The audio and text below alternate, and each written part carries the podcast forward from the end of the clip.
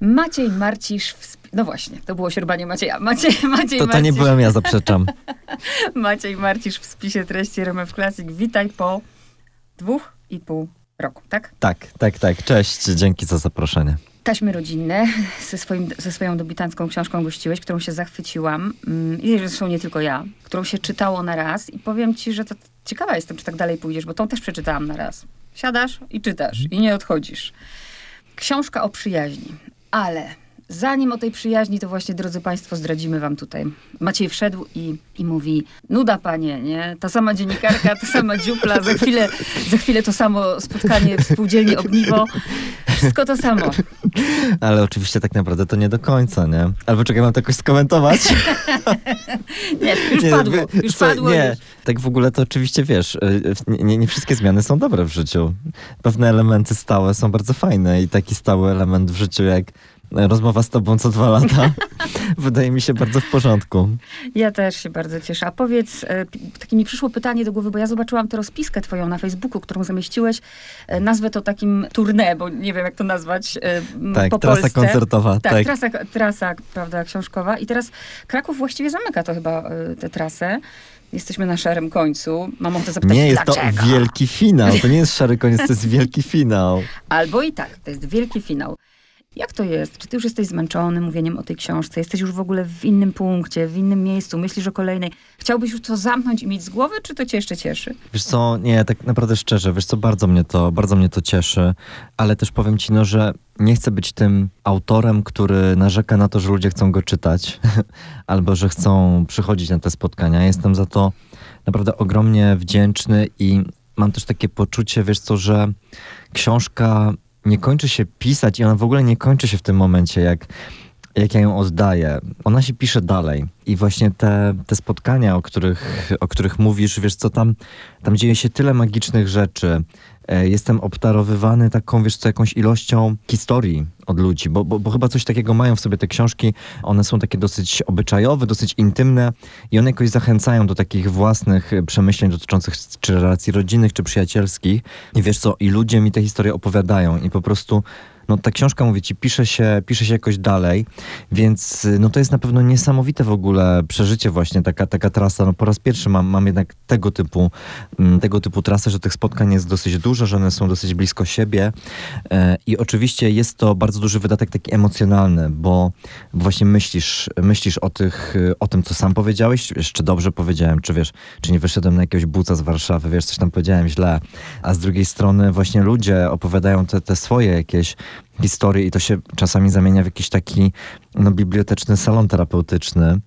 I potem wychodzisz z tego spotkania i, i przeżywasz to wszystko. I to jest, no to jest po prostu dużo, ale to jest bardzo ciężkie, takie bym powiedział kaloryczne doświadczenie, ale no, no wspaniałe. W sensie powiem ci, że ja w ogóle po takich spotkaniach, wiesz co, miałem na przykład takie spotkanie w Rzeszowie, pozdrawiam w ogóle dyskusyjny klub czytelniczy z Rzeszowa. I tam po prostu, no, no ja nie wiem, to spotkanie się tak skończyło, że, że, że pierwsza czytelniczka się mnie spyta, czy ja mogę pana przytulić? I no ja mówię, że oczywiście... Nie COVID. No, Nie wolno. tak, ale co tam, jaki tam. I, no i, i to się skończyło już jakimś zbiorowym przytulaniem, bo dużo już tu było emocji w trakcie tego spotkania. No i wiesz co, no, ja po prostu wychodzę z takiego spotkania na, na granicy łez lub nawet po prostu w ogóle bez granicy, po prostu nieomal płacząc. No i myślę sobie wtedy w ogóle, czy może być coś, lep- wiesz, czy może być coś lepszego w życiu w ogóle niż niż coś takiego właśnie. Tworzenie takiej książki, która robi się takim wehikułem do, do właśnie, do, do przeżyć. A powiedz, jak jest z krytyką, bo rzeczywiście te taśmy rodzinne, no w ogóle wszedłeś na ten rynek książki, wow. Teraz mamy, z tego co gdzieś tam się orientuję, bardzo dobrze jesteś oceniany. Ty w ogóle się spotykasz z jakąś krytyką? Wiesz co, nie, no jasne. O, oczywiście, że się, oczywiście, że się Ale spotykam. z taką, która boli, czy ciebie nie boli? Dobre pytanie. Wiesz co, miałem ostatnio właśnie takie przemyślenie, że jednak jest tak, że te rzeczy, których się boimy, są takie straszne, ale jak już się wydarzają, to zazwyczaj nigdy te złe rzeczy, jak już ich doświadczamy, nie są aż tak bolesne, jakbyśmy sobie to wyobrażali. I wiesz co, no oczywiście, że, że, że, że przy taśmach rodzinnych, które też już były dłużej na rynku, więc łatwiej mi jest ocenić ich recepcję, w którymś momencie pojawiła się to taka straszna recenzja, której się bałem, wiesz, taka taka mocna. No i oczywiście, że to zabolało, ale wiesz, ale 15 minut później pojawiła się jakaś kolejna opinia, która była bardziej pozytywna.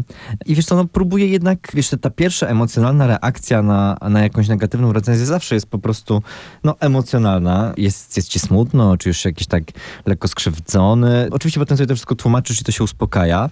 No ale jakoś tak, wiesz, po, po fakcie jednak trzeba coś z tego wyciągnąć dla siebie i, i, i czasem pewnie, jeżeli ktoś coś krytykuje, no to, to warto to, to wziąć już tak na, na chłodno i po prostu, no, skorzystać. Skorzystać, bo, bo to, to czasem mogą być jakieś cenne podpowiedzi, nie? Mhm. No tak. Dla mnie to jest właśnie zawsze ważne pytanie, bo ja w ogóle odnalazłam się w Dorocie w wielu miejscach, nie we wszystkich, ale w wielu miejscach w Dorocie się odnalazłam. I tak sobie nawet zadałam takie pytanie, czy Dorota kiedyś wyda książkę, biorąc pod uwagę jej neurozę, bo ja na przykład podziwiam cię, nie? Właśnie za, za odwagę. Jest we mnie na przykład, y, to pierwsze zdanie mnie od razu jak otworzyłam, ono mnie rozwaliło, bo Nie napisać to jest książki. zdanie o Czy to mnie, takie wielkie o mnie z nieszczęście? liceum. To jest zdanie o mnie z liceum. Takie były moje marzenia na życie, wiesz, właśnie. To dla mnie to by było absolutnie, no, można uznać życie za nieudane. Ale też lęk przed oceną, przed krytyką jest tak duży, że zastanawiam się, czy Dorota kiedyś coś wyda.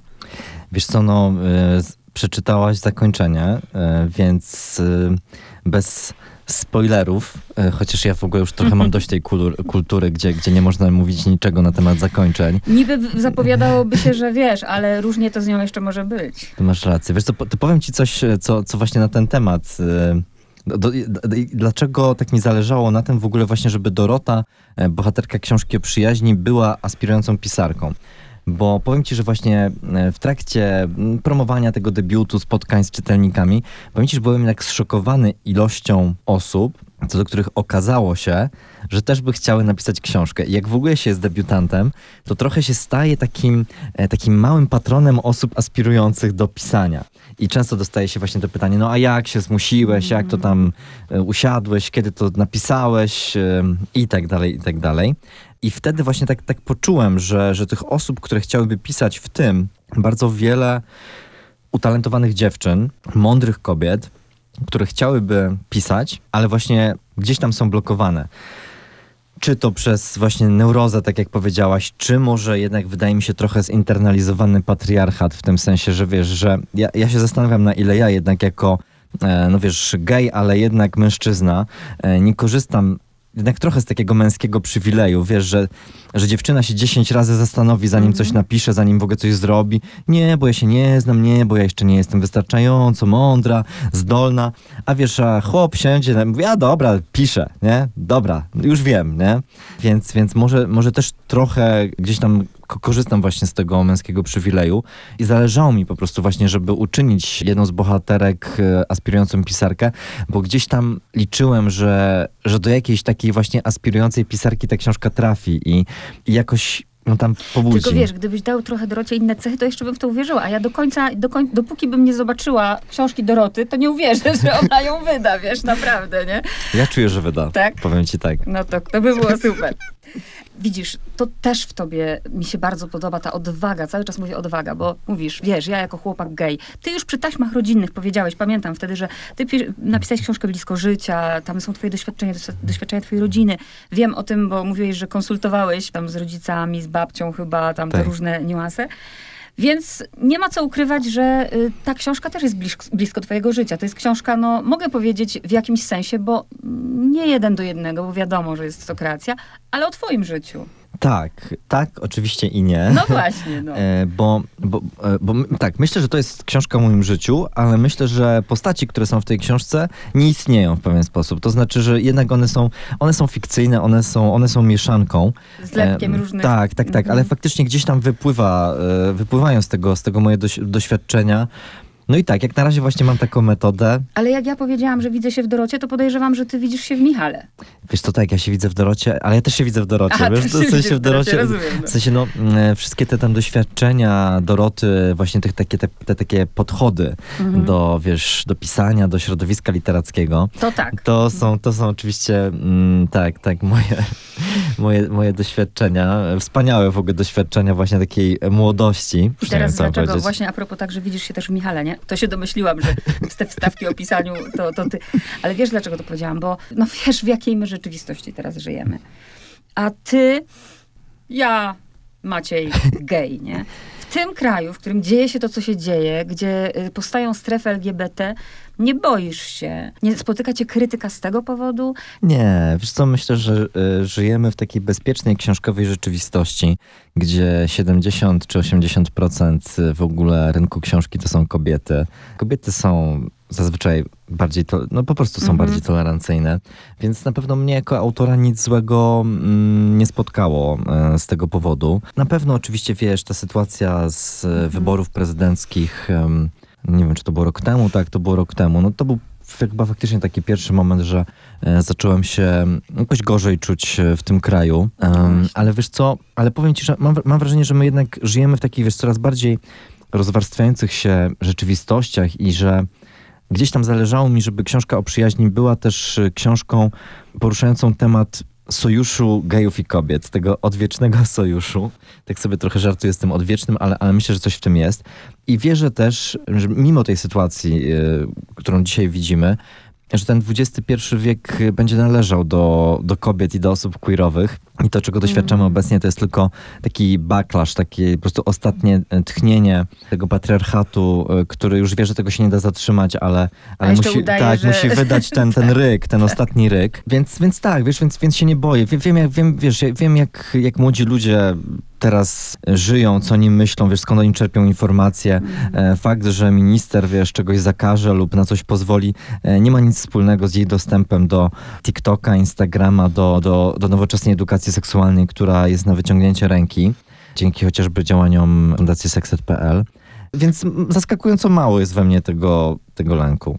To fajnie, a, a zrobiłeś świetną rzecz, bo tak jak mówię, twoje książki to jest druga, którą czy, czyta mi się bardzo szybko i jak zwykle tu mogę powiedzieć, że to jest książka o wielu rzeczach, nie tylko o przyjaźni, ale w, zatrzymajmy się na razie na tym tytule, no bo on jest genialny. Książka o przyjaźni. Gdzieś ty ten tytuł, kiedy on ci się pojawił na horyzoncie?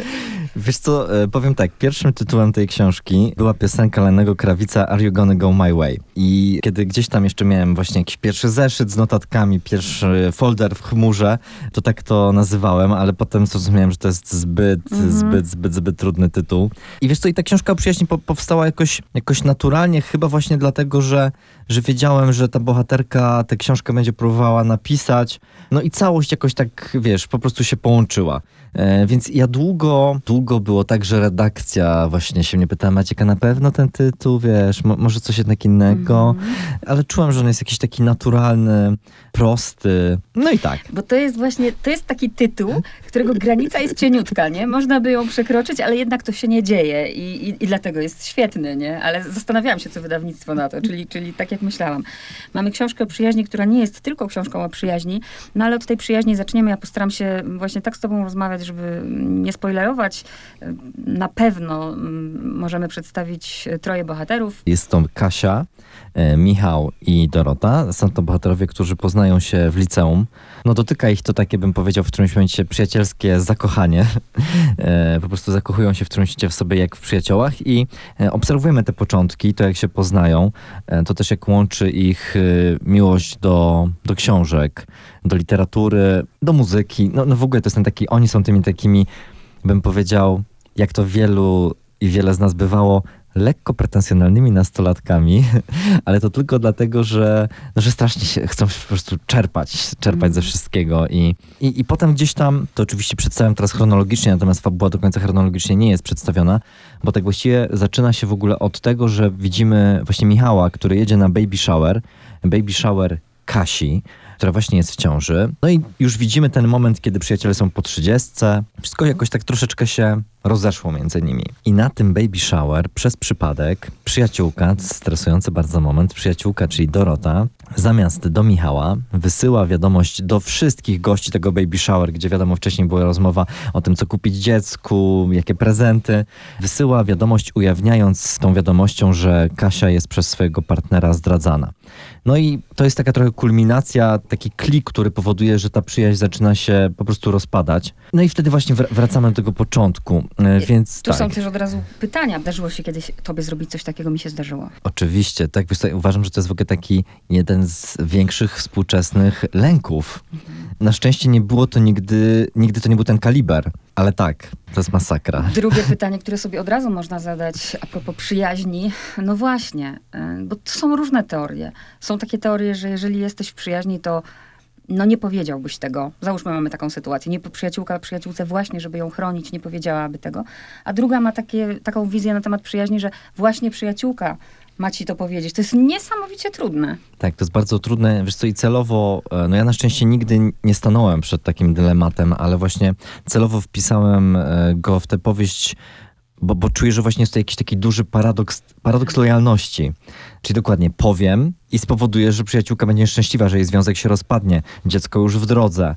Czy, czy to jest ten ciężar, który ja na siebie Mhm. powinnam, Tak. powinienem wziąć? E, więc to, to są, to są trudne, trudne sprawy i myślę, że, że nie ma to jednoznacznej mm, odpowiedzi.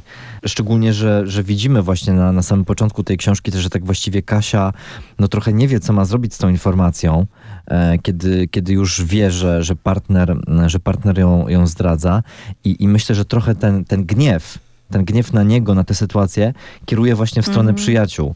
Więc to też jest takie właśnie niebezpieczeństwo, że stanie się, że staniemy się w takiej sytuacji trochę ofiarą. Mhm. To tak jak ze zdradą, teraz jak o tym myślę, jak, nie wiem, mąż zdradzi żonę, albo odwrotnie i często odreagowanie jest właśnie na tę osobę, z którą zdradza, a nie na niego, załóżmy, nie? Tak. To, te, to, to jest w ogóle, to są fascynujące rzeczy, bo e, to, co robi e, Maciej, daje nam informacje, to już do słuchaczy mówię, na temat rodziny, skąd ci nasi bohaterowie pochodzą i wtedy ja jestem w stanie zrozumieć decyzję Kasi i tak dalej, tu wiadomo, nie będziemy tego mówić, ale możemy mówić o tej przyjaźni i o tym, jak oni się poznali właśnie w liceum. I wiesz, co mnie tak e, rozczuliło, bo ja to pamiętam, wprawdzie nie z liceum, e, ale w podstawówce. Ja to mocno, mocno przeżyłam w podstawówce, gdzie przyjaźnie nawiązywało się przez listy. Cudownie, że przypomniałeś o czymś, czego dzisiaj nie ma. Wiesz co, ja nie wiem, może gdzieś, może, gdzieś jest, bo wtedy, kiedy ja byłem nastolatkiem i kiedy faktycznie to jest sytuacja wyciągnięta z życia, że, fakt, że, że jakoś uruchomiliśmy z moimi przyjaciółkami tę epistolarną gorączkę w, w liceum, która się tak właśnie rozeszła, bo my zaczęliśmy pisać do siebie te listy, no i zrobiła się z tego jakaś taka fajna moda, e, a, a wiesz, jak to się dzieje między nastolatkami, że tak po prostu pęcznieje.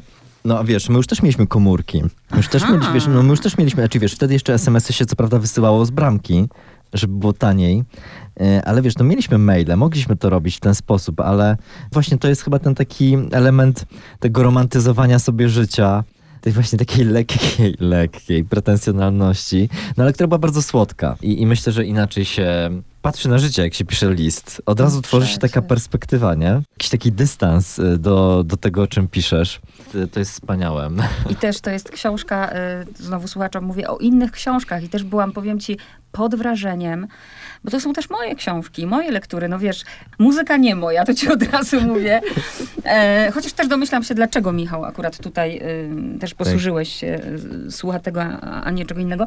Ale te książki mnie też zdziwiły, bo no to już mi pokazuje też troszeczkę, że, że ja bym nie wiem, czy nazwała to pretensjonalnością, ale zupełnie innego rodzaju wrażliwością tych młodych ludzi. No, znaczy my, myślę, że y, no to jest, y, to, to na pewno też jest zapis jakiegoś, tak jak, tak jak mówisz, takiego życia wśród, wśród książek. Tego właśnie, jak ta literatura nas, nas kreuje. Tego takiego momentu, że, że trochę, no właśnie, życie naśladuje literaturę, ale, znaczy literatura Mhm. naśladuje życie, a, a życie mm, literaturę. E, I, I no ja oczywiście byłem właśnie tym nastolatkiem takim, wiesz, wpatrzony w tę taką listę, nie wiem, lista Time'a, 100 najważniejszych Mhm. powieści, wiesz, próbowało się odhaczyć te wszystkie rzeczy po kolei tam z... Co z człowiek listy. średnio wykształcony powinien przeczytać w życiu. Nie? Tak, w ogóle e, to mi się też jakoś tak bardzo słodko kojarzy z dojrzewaniem. E, Taki, takie poczucie jakiejś ostateczności kanonu. Czyli właśnie dopiero potem idziesz na studia albo stajesz się dorosły i się dowiadujesz, że tak właściwie to tego wszystkiego jest za dużo. Tak. Tego się nie da ogarnąć. W sensie ten kanon nie jest obiektywny. Tak. Jacy, jacyś biali mężczyźni ustalili go 100 lat temu. E, Ale wtedy jeszcze nie ma się tak do, do. Nie ja przynajmniej nie miałem wtedy takiego poczucia.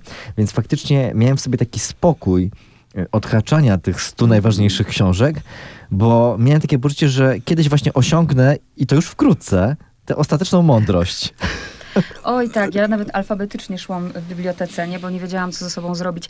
E, I przychodzi taki moment, i on jest chyba w życiu każdego właśnie licealisty, albo gdzieś tak pierwszy rok studiów. Właściwie to się na studiach dzieje, ale na początku, że ma się, wiesz, wracasz do tego swojego miasta, student, nie takie lektury, czy też w ogóle tyle wiesz, a później się okazuje z, z każdym rokiem, że nic nie wiesz. Coraz nie? mniej. Tak. Tak. Także to, to też są takie fajne rzeczy. Jeszcze o przyjaźni, bo później chcę przeskoczyć na inny temat. Podzielę się z tobą doświadczeniem e, i ciekawa jestem twojego. Mm, chociaż to nie przyjaciółka, to od razu mówię. Ja, się, ja właśnie sobie zadałam pytanie, czy ja kiedykolwiek miałam taką naprawdę przyjaciółkę, przyjaciółkę i chyba nie. I wiesz, tutaj cytujesz coś, co jest gen, genialne, powiedzenie naszych rodziców. Zobaczysz, przyjdzie taki czas, że prawdziwych przyjaciół policzysz na palcach jednej ręki. Ja słyszałam wręcz, zobaczysz, przyjaciół poznaje się w biedzie. I przyszła taka bieda, wiesz? I niestety to powiedzenie okazało się trafne.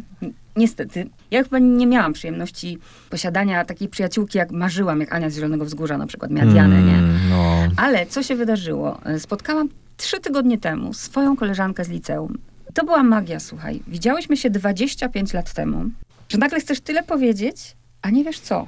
No bo co powiesz, jak się, wiesz, spotkasz 5 minut na ulicy, nie? I ja nic nie wiem o 25 latach jej życia. Ja nic nie wiem, nie wiem o niej.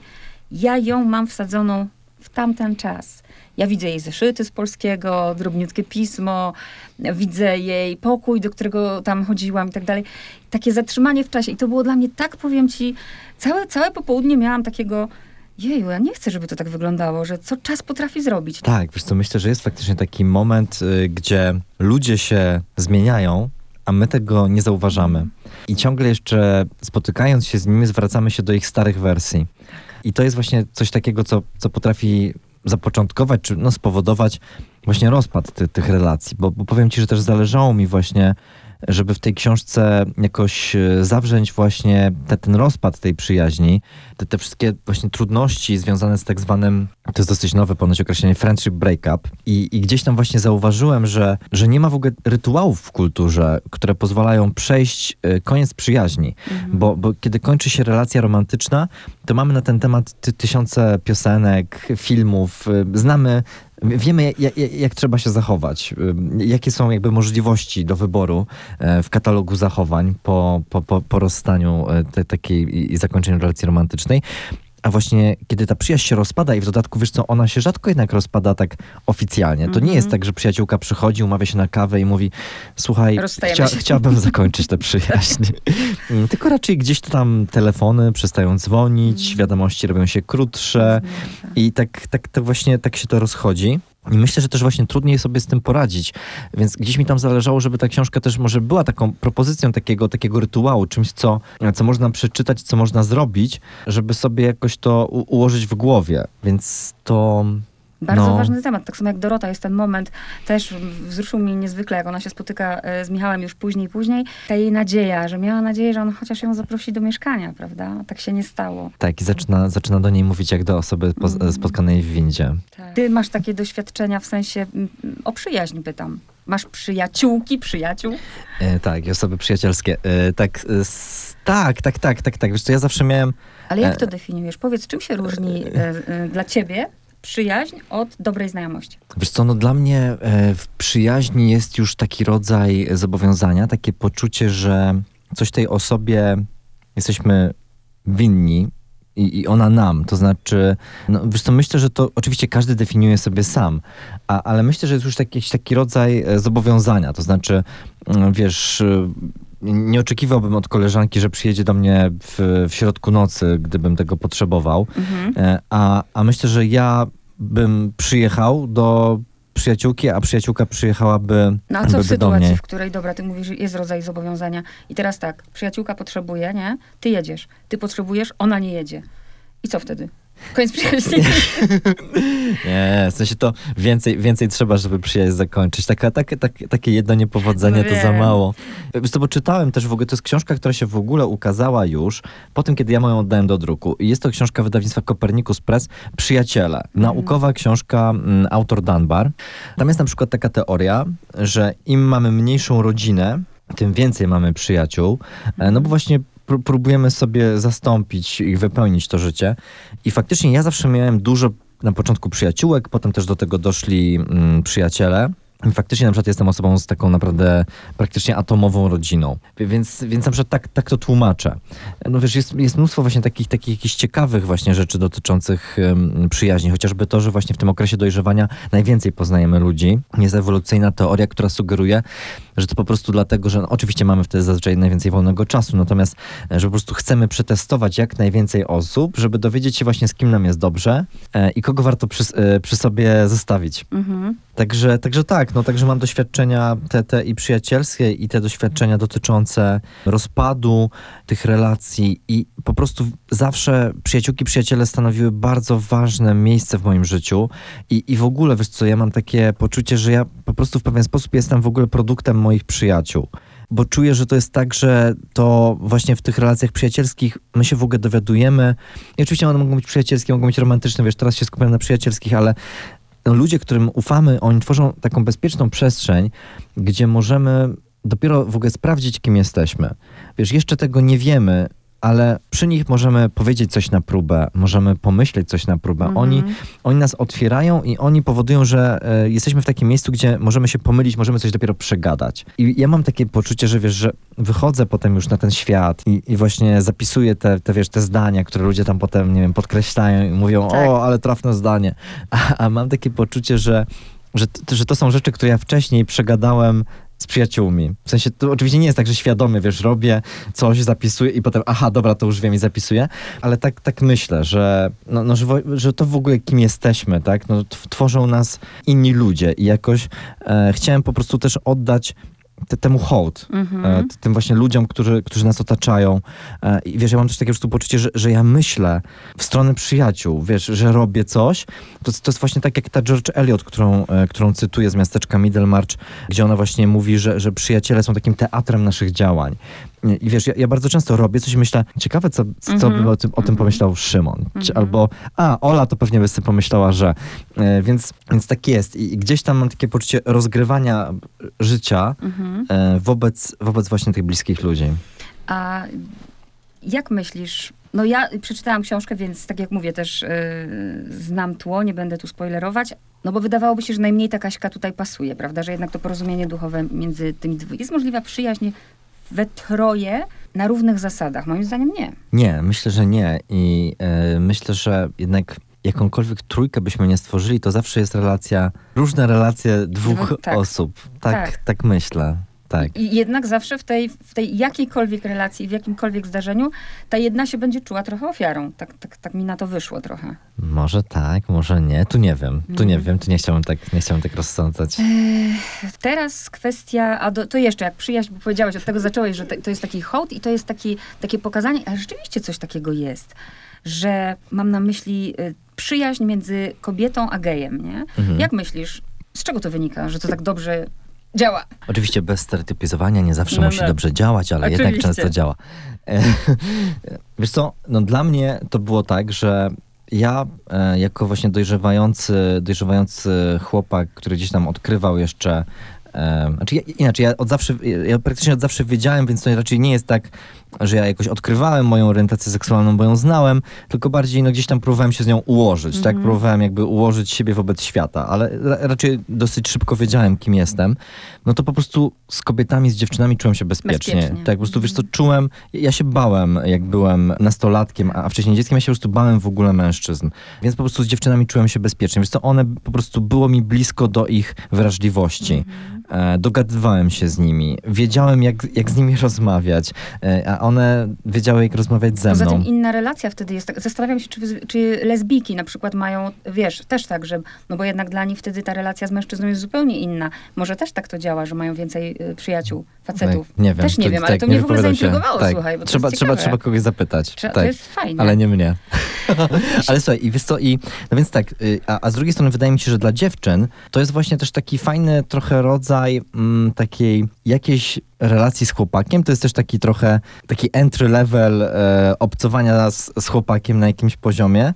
Wiesz, to dla mnie to zawsze było po prostu takie no intuicyjne, w sensie niemal takie takie fizyczne, to było po prostu zawsze najprostsze. Zawsze po prostu lgnąłem do tych, do, do tych dziewczyn, a one do mnie.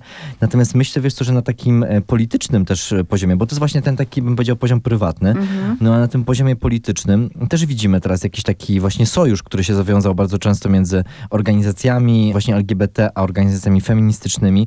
Więc myślę, że tak politycznie to, co teraz nas łączy, no to właśnie mm, jednak jakaś próba wyswobodzenia się z tych okowów patriarchatu, e, który właśnie obie te grupy jakoś tam niewoli, tak? I, i, i próbuje je gdzieś tam u, u, utemperować. Mhm. E, Więc, więc myślę, że to jest właśnie taki sojusz i, i właśnie prywatny, bardzo intymny, ale też teraz w tym 2021 roku to dosyć polityczny. Maciek zrobił świetną rzecz.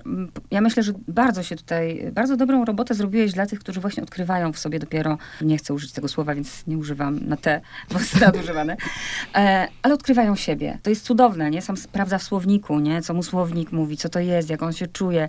I ja też zdałam sobie sprawę, co ja mam w swojej głowie, jaki ja mam już stereotyp y, wtłoczony, skoro pierwsze, co pomyślałam, jak on się zwierzył księdzu, jak ten ksiądz go zaprosił do siebie, to wiesz, co ja pomyślałam? Że razu? zaraz będzie, zaraz Że będzie ksiądz go sytuacja. wykorzystał, jest pedofilem, nie? Tak. Zaraz się za to, sama się po łapach za to zbiłam, nie?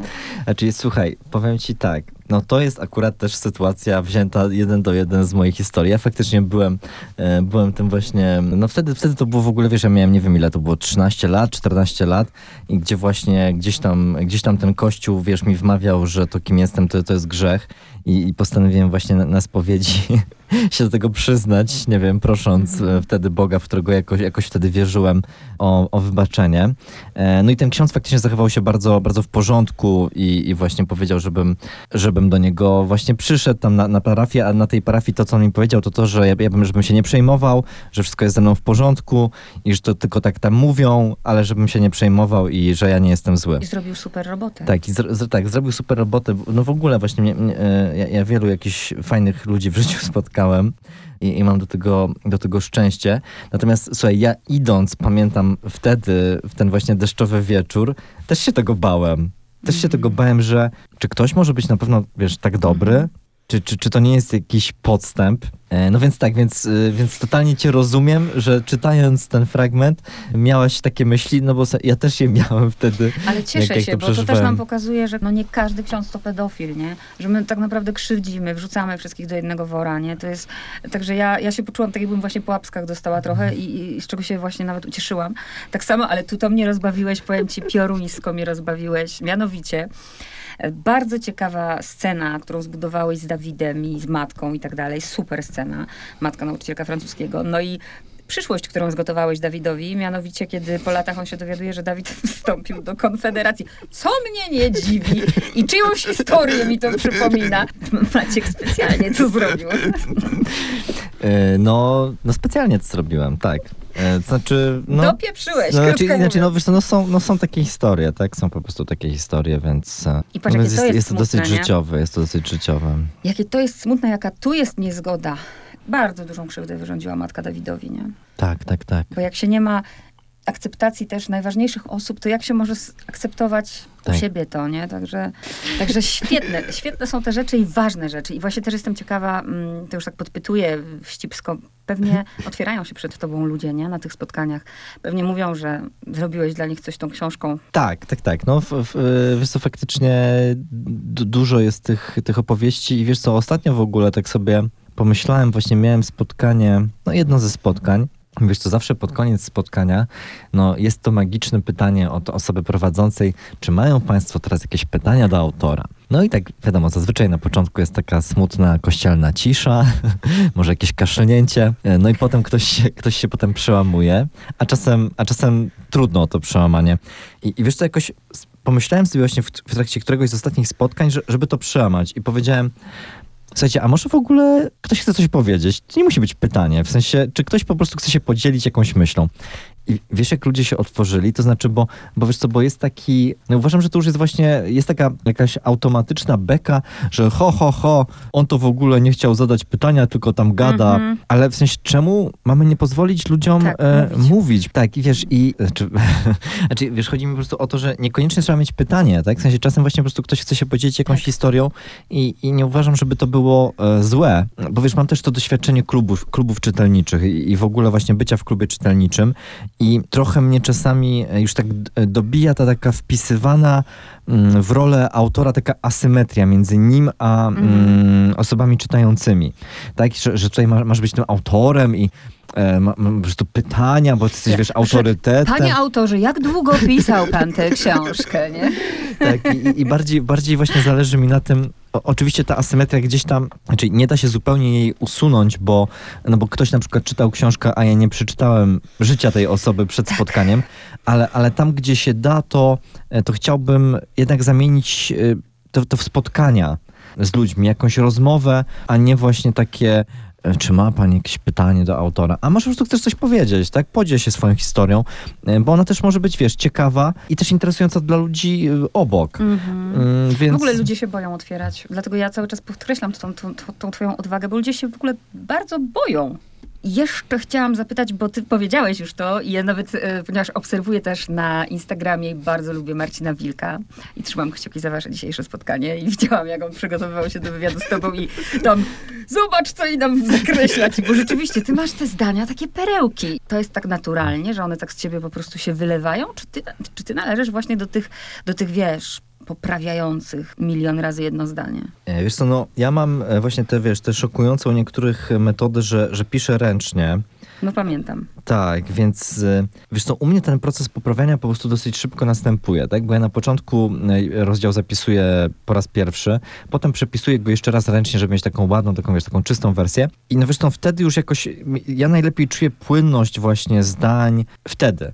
Nie wtedy, kiedy już prze- przepisuję na, na, na, komputer. I co mogę o tym powiedzieć? Czy ja, pra- wiesz co, no, no pracuję nad tymi książkami, no jasne. Myślę, myślę że jednak jest za tym, za tym praca i, i i, I trochę trzeba jej włożyć w to, żeby się to lekko czytało, Mhm. nie? Że wiesz, że to, to wrażenie lekkości jednak jest y, no, no jakimś czy, czymś wy, wypracowanym. A jak potem masz, y, jeżeli chodzi o budowanie kompozycji, mnie zawsze to bardzo ciekawi, nie? Co jest najpierw? Historia, z której myślisz, kurczę, to jest fajny materiał, z którego można coś uszyć, a potem szyję e, i kompozycja tak naprawdę jest u ciebie na samym końcu, aha, no to podzielę to na pięć części i tak dalej. Jak to wyglądało przy tej książce?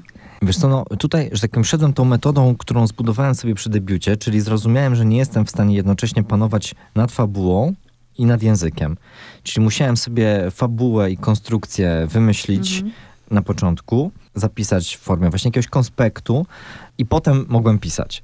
Natomiast ja bardzo, bardzo mocno się tak wiesz, obudowuję. Staram się stworzyć w sobie takie poczucie bezpieczeństwa, bo oczywiście, że samo pisanie jest trochę przerażające, tak? Jest, jest właśnie ten moment, że mówisz, nie no, kurczę, nie potrafię, nie, no w ogóle nie dam rady. Więc, więc szukam e, takich różnych elementów, o których mogę się oprzeć, więc e, oczywiście mam ten konspekt, ale powiem ci, że nawet potem, kiedy przechodzę do pisania tych rozdziałów, te rozdziały są przecież dosyć krótkie, Tak. one czasem e, w takiej finalnej książce to jest sześć stron, Mm, ale do takiego One sześciostroniowego... wprowadzają dynamikę. Tak, tak, tak. Też mi właśnie na tym zależy, Mhm. ale wiesz, te sześć stron, ono też ma swój plan. Ono też jest wcześniej wypunktowane. E, Więc ja już kiedy, kiedy piszę, to już mam takie poczucie bezpieczeństwa, że wiem, co się wydarzy, może wiem, jakie będzie ostatnie zdanie, więc y, dużo, dużo wiem przed. Powiedz mi jeszcze coś o tych okładkach, bo ja już teraz wiem, że to będzie twój znak rozpoznawczy. Mam, mieliśmy taśmy, teraz mam po prostu, no, widzę już 20 książek, wiesz, poustawianych Maćka Marcisza. Masz taki klucz, że wszystkie okładki... nie, będą- dwadzie, nie, 20 nie. Ale to już jest twój znak rozpoznawczy, ta, taki charakter okładki? Wiesz co, no tak, czuję że, czuję, że książka o przyjaźni jest w jakiś sposób z tego samego uniwersum, co, mm, co taśmy rodzinne. Więc tak, tutaj czułem, że, że fajnie by było, żeby, żeby, żeby Tomek Majewski właśnie zrobił też okładkę w podobnej estetyce, ale, ale nie chciałbym, żeby 20 książek tak samo wyglądało. Ale fajnie powiedziałeś, zrobiłeś podpowiedź z tego samego uniwersum, czyli będziemy mieli uniwersum, Tak, potem... Marcisz Wers, tak, Tak. będzie Marcisz, y, Marcisz Wers. No, Może tak będzie, tak, może będzie jakiś rodzaj uniwersum i szczerze powiedziawszy jeszcze nie wiem, czy właśnie książka numer 3 będzie z tego, Mhm. e, z tego świata, czy, czy z innego. No, zobaczymy. Druga twoja książka, dwa i pół roku. Miałeś coś takiego jak efekt drugiej książki? Wiesz, to nie, nieraz tu z pisarzami rozmawiam, że oni się boją tego efektu, że jak ktoś debiutuje, to potem wszyscy czekają i tylko, żeby sprawdzić, nie, czy okazało się, że tamto Się to był jednorazowy strzał, a to tak. będzie gniot i tak dalej. Bałeś się? Tak, wiesz co, bardzo długo zaprzeczałem, że się nie boję. I bardzo długo zgrywałem chojraka. I wszyscy właśnie mówili, e, o, druga książka, uuu, współczuję. A ja, ps, błagam, to jest jakaś tam legenda, w sensie z, tym, z tą drugą książką. Ale w którymś momencie to poczułem, tak, w którymś momencie to poczułem bardzo. To już takie, wiesz, to jest takie dosyć hardkorowe doświadczenie, no bo powiem ci, że gdzieś tam właśnie w trakcie jednego z urlopów, na który wsi- sobie wziąłem na pisanie, w którymś momencie przeżyłem coś, co potem okazało się po prostu było, wiesz co, atakiem paniki. Czy czymś takim, co, co mocno jakoś tam wpłynęło w ogóle na to, na przykład jak mi się oddychało na co dzień e, i moje liczne problemy z oddychaniem, które, wiesz, na które mm, leczyłem się oczywiście na astmę, obwiniałem smog, e, obwiniałem moją alergię i, różne inne rzeczy. E, oczywiście mm, tam wiesz, no też, też już e, mm, zacząłem chodzić do, do psychologa, no w sensie szukałem jakiejś, jakiejś pomocy, natomiast wiesz, no te problemy ustały, kiedy zakończyłem tę książkę ją pisać. Więc tak, więc to było, to było dosyć mocne, to, to, to jednak była, mm, była jakaś... Jakaś presja. Także cóż mogę powiedzieć? Nie było to. Yy, powiem tak, jakby samo pisanie było oczywiście przyjemne. Wiesz, no ja po prostu uwielbiam, lubię ten, ten moment, lubię, lubię pracę. Lubię to pisanie, czuję się wtedy w- jakimś takim dobrym, dobrym, sensownym miejscu. Natomiast wiesz co, no, no faktycznie jest tak, że na przykład wiesz, wychodzisz, Wyobraź sobie taką sytuację, że właśnie wiesz, jest ten weekend, no i piszę, no ale mam jakiś taki moment małego kryzysu. Myślę sobie, kurczę, no nie wiem, nie wiem, nie wiem, gdzie mam z tym dalej iść. Nie, nie wiem, co mam teraz, co mam teraz robić, czy, czy właśnie może jednak jestem gwiazdą jednego przeboju. No nie wiem. No i dobra, mówię, dobra, wyjdę na spacer, ochłonę. No i wiesz, wychodzisz na taki spacer, i spotykasz jakąś taką, wiesz, daleko znajomą osobę i wiesz, takie daleko znajome osoby, pierwsze pytanie, jakie ci zadają, cześć Maciek, jak tam druga książka, o czym piszesz? I wiesz, masz sobie takie, nie wiem o czym, wiesz, myślisz Mhm. sobie, Boże, ja nie wiem o czym piszę. Jezu, nie, ludzie, wiesz, ludzie czekają, wiesz, pytają mnie o to. Więc tak, więc to bywa, to bywa stres. Ale popatrz, jaka to jest historia. To ona się nigdy nie kończy. To tak, jak, to tak jak w ogóle się mówi o dziewczynach często w rodzinie, nie? że nie wiem, jadą na jakieś, na jakieś spotkanie i najpierw pytają, kiedy będziesz miała chłopaka, kiedy wyjdziesz za mąż, kiedy będziesz miała drugie dziecko, pierwsze dziecko, potem kiedy A, kiedy- dziecko, drugie, potem nie, i tak, i tak dalej. Tak samo tu zobacz. Jedni marzą o debiucie, w ogóle ten debiut już jest tak niewyobrażalny. No to dobra, masz ten debiut, to później, Boże, druga książka, nie? A Zastanawiam się, jaki teraz masz punkt, czy już teraz pójdzie z górki i No zobaczymy, ale na pewno nie mogę Ale się na pewno doczekać. będziesz pisał. Będę pisał. Mogę mówić Maciej Marcisz pisarz? Już akceptuję. No i to dziękuję ci bardzo. Za, Dzięki ci bardzo.